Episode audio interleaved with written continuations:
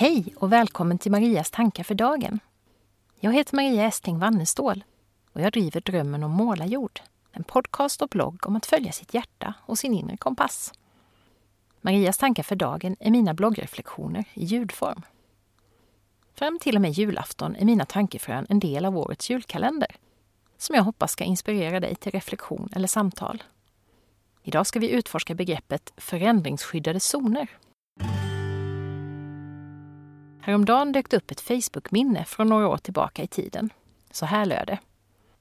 Hej hej pustar vi till varandra där vi möts på backkrönet på smalspåret i skogen, i regnet och skummet, med våra cyklar utan lysen.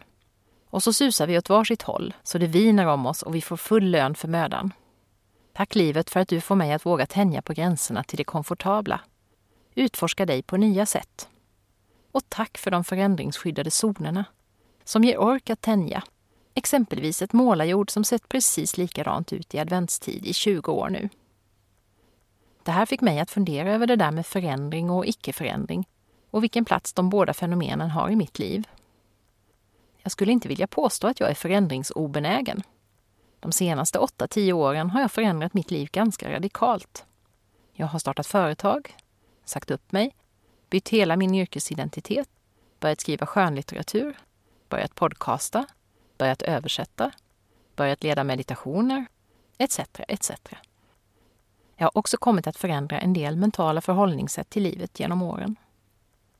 Samtidigt känner jag inte många som njuter så mycket av sina vardagsrutiner som jag gör. Under alla år som kafékontorsjobbare hade jag oftast en speciell plats på varje fik där jag helst av allt ville sitta. På flera av dem åt jag dessutom alltid samma lunch. Jag älskar våra fredagspopcorn, vårt lördagsgodis och kvällarnas tv-serietittarstunder lika mycket som mina barn. Jag hittar allt mer rytm och rutiner som gör livet skönare att leva. Som ramar in på ett behagligt sätt utan att skapa måsten och som gör att jag inte behöver ta så många små vardagsbeslut. Jag har reflekterat en del genom åren över hur mycket jag uppskattar kontrasterna i mitt liv. Kaosfamiljen och den lugna egentiden. Lantliv på hemmaplan och stadsliv på jobbet emellanåt. Att jobba vid datorn och att gräva i jorden. Ensamhet och gemenskap. Hög aktivitetsnivå och rejäl återhämtning.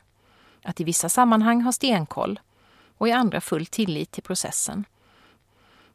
Kanske är det just för att jag tycker om förändringar och viss oförutsägbarhet i det stora livet, som det där med vad jag ska jobba med, som jag så mycket uppskattar rutinerna och det oförändrade i det lilla. Det finns ett uttryck jag anammade för en massa år sedan. Förändringsskyddade zoner. Myntat av en av alla mina inspirationskällor, Bodil Jönsson. Det handlar helt enkelt om vårt mänskliga behov av att få ha de där hållplatserna, där allt är precis som vanligt. Under åren efter min sjukskrivning för utmattning hade jag stor nytta av mina förändringsskyddade zoner, framförallt på jobbet.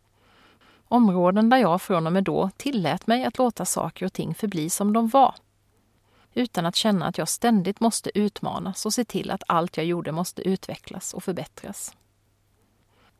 Om förändringsskyddade zoner och många andra användbara begrepp kan man läsa i Bodil Jönssons fina lilla bok Guld. Den kan jag varmt rekommendera. Och så till dagens fråga för reflektion eller samtal. Hur tänker du kring förändring och förändringsskyddade zoner? Har du rutiner som hjälper dig att rama in vardagen har du zoner där allt får lov att vara precis som det är under lång tid? Tack för att du har lyssnat och välkommen tillbaka till en ny kalenderlucka imorgon. Hej då!